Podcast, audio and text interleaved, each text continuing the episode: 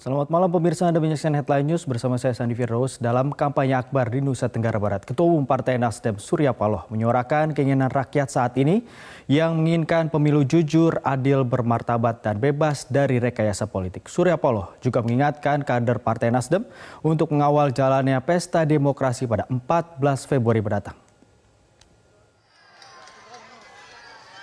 Nah, di sinilah kita selalu mengingatkan pemilu yang kita lakukan, yang dilaksanakan untuk kesekian kalinya ini.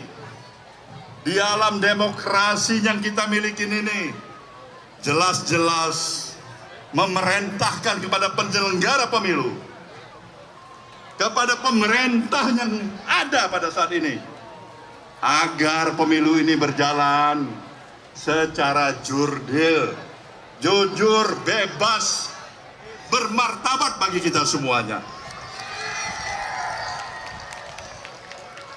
Karena kita menginginkan pemilu yang bersih. Karena kita menginginkan pemilu yang bebas dari berbagai rekayasa politik yang akhirnya bermuara kepada perpecahan kehidupan kebangsaan yang kita cintai. Kita mau perdamaian di antara kita sesama anak bangsa. Tidak ada artinya pemilu jika menghasilkan perpecahan di antara kita dalam kehidupan berbangsa dan bernegara. Maka tugas kita semuanya, tugas saudara-saudara semuanya, ikutin pemilu. Jaga aturan-aturan main sebagai kader yang terpercaya. Musuh kita musuh kita bukan di antara kita sesama anak bangsa. Bukan di antara para peserta-peserta pemilu. Bukan itu musuh kita.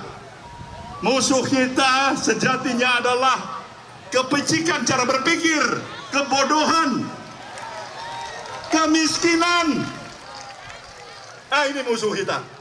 Jelajahi cara baru mendapatkan informasi. Download Metro TV Extend sekarang.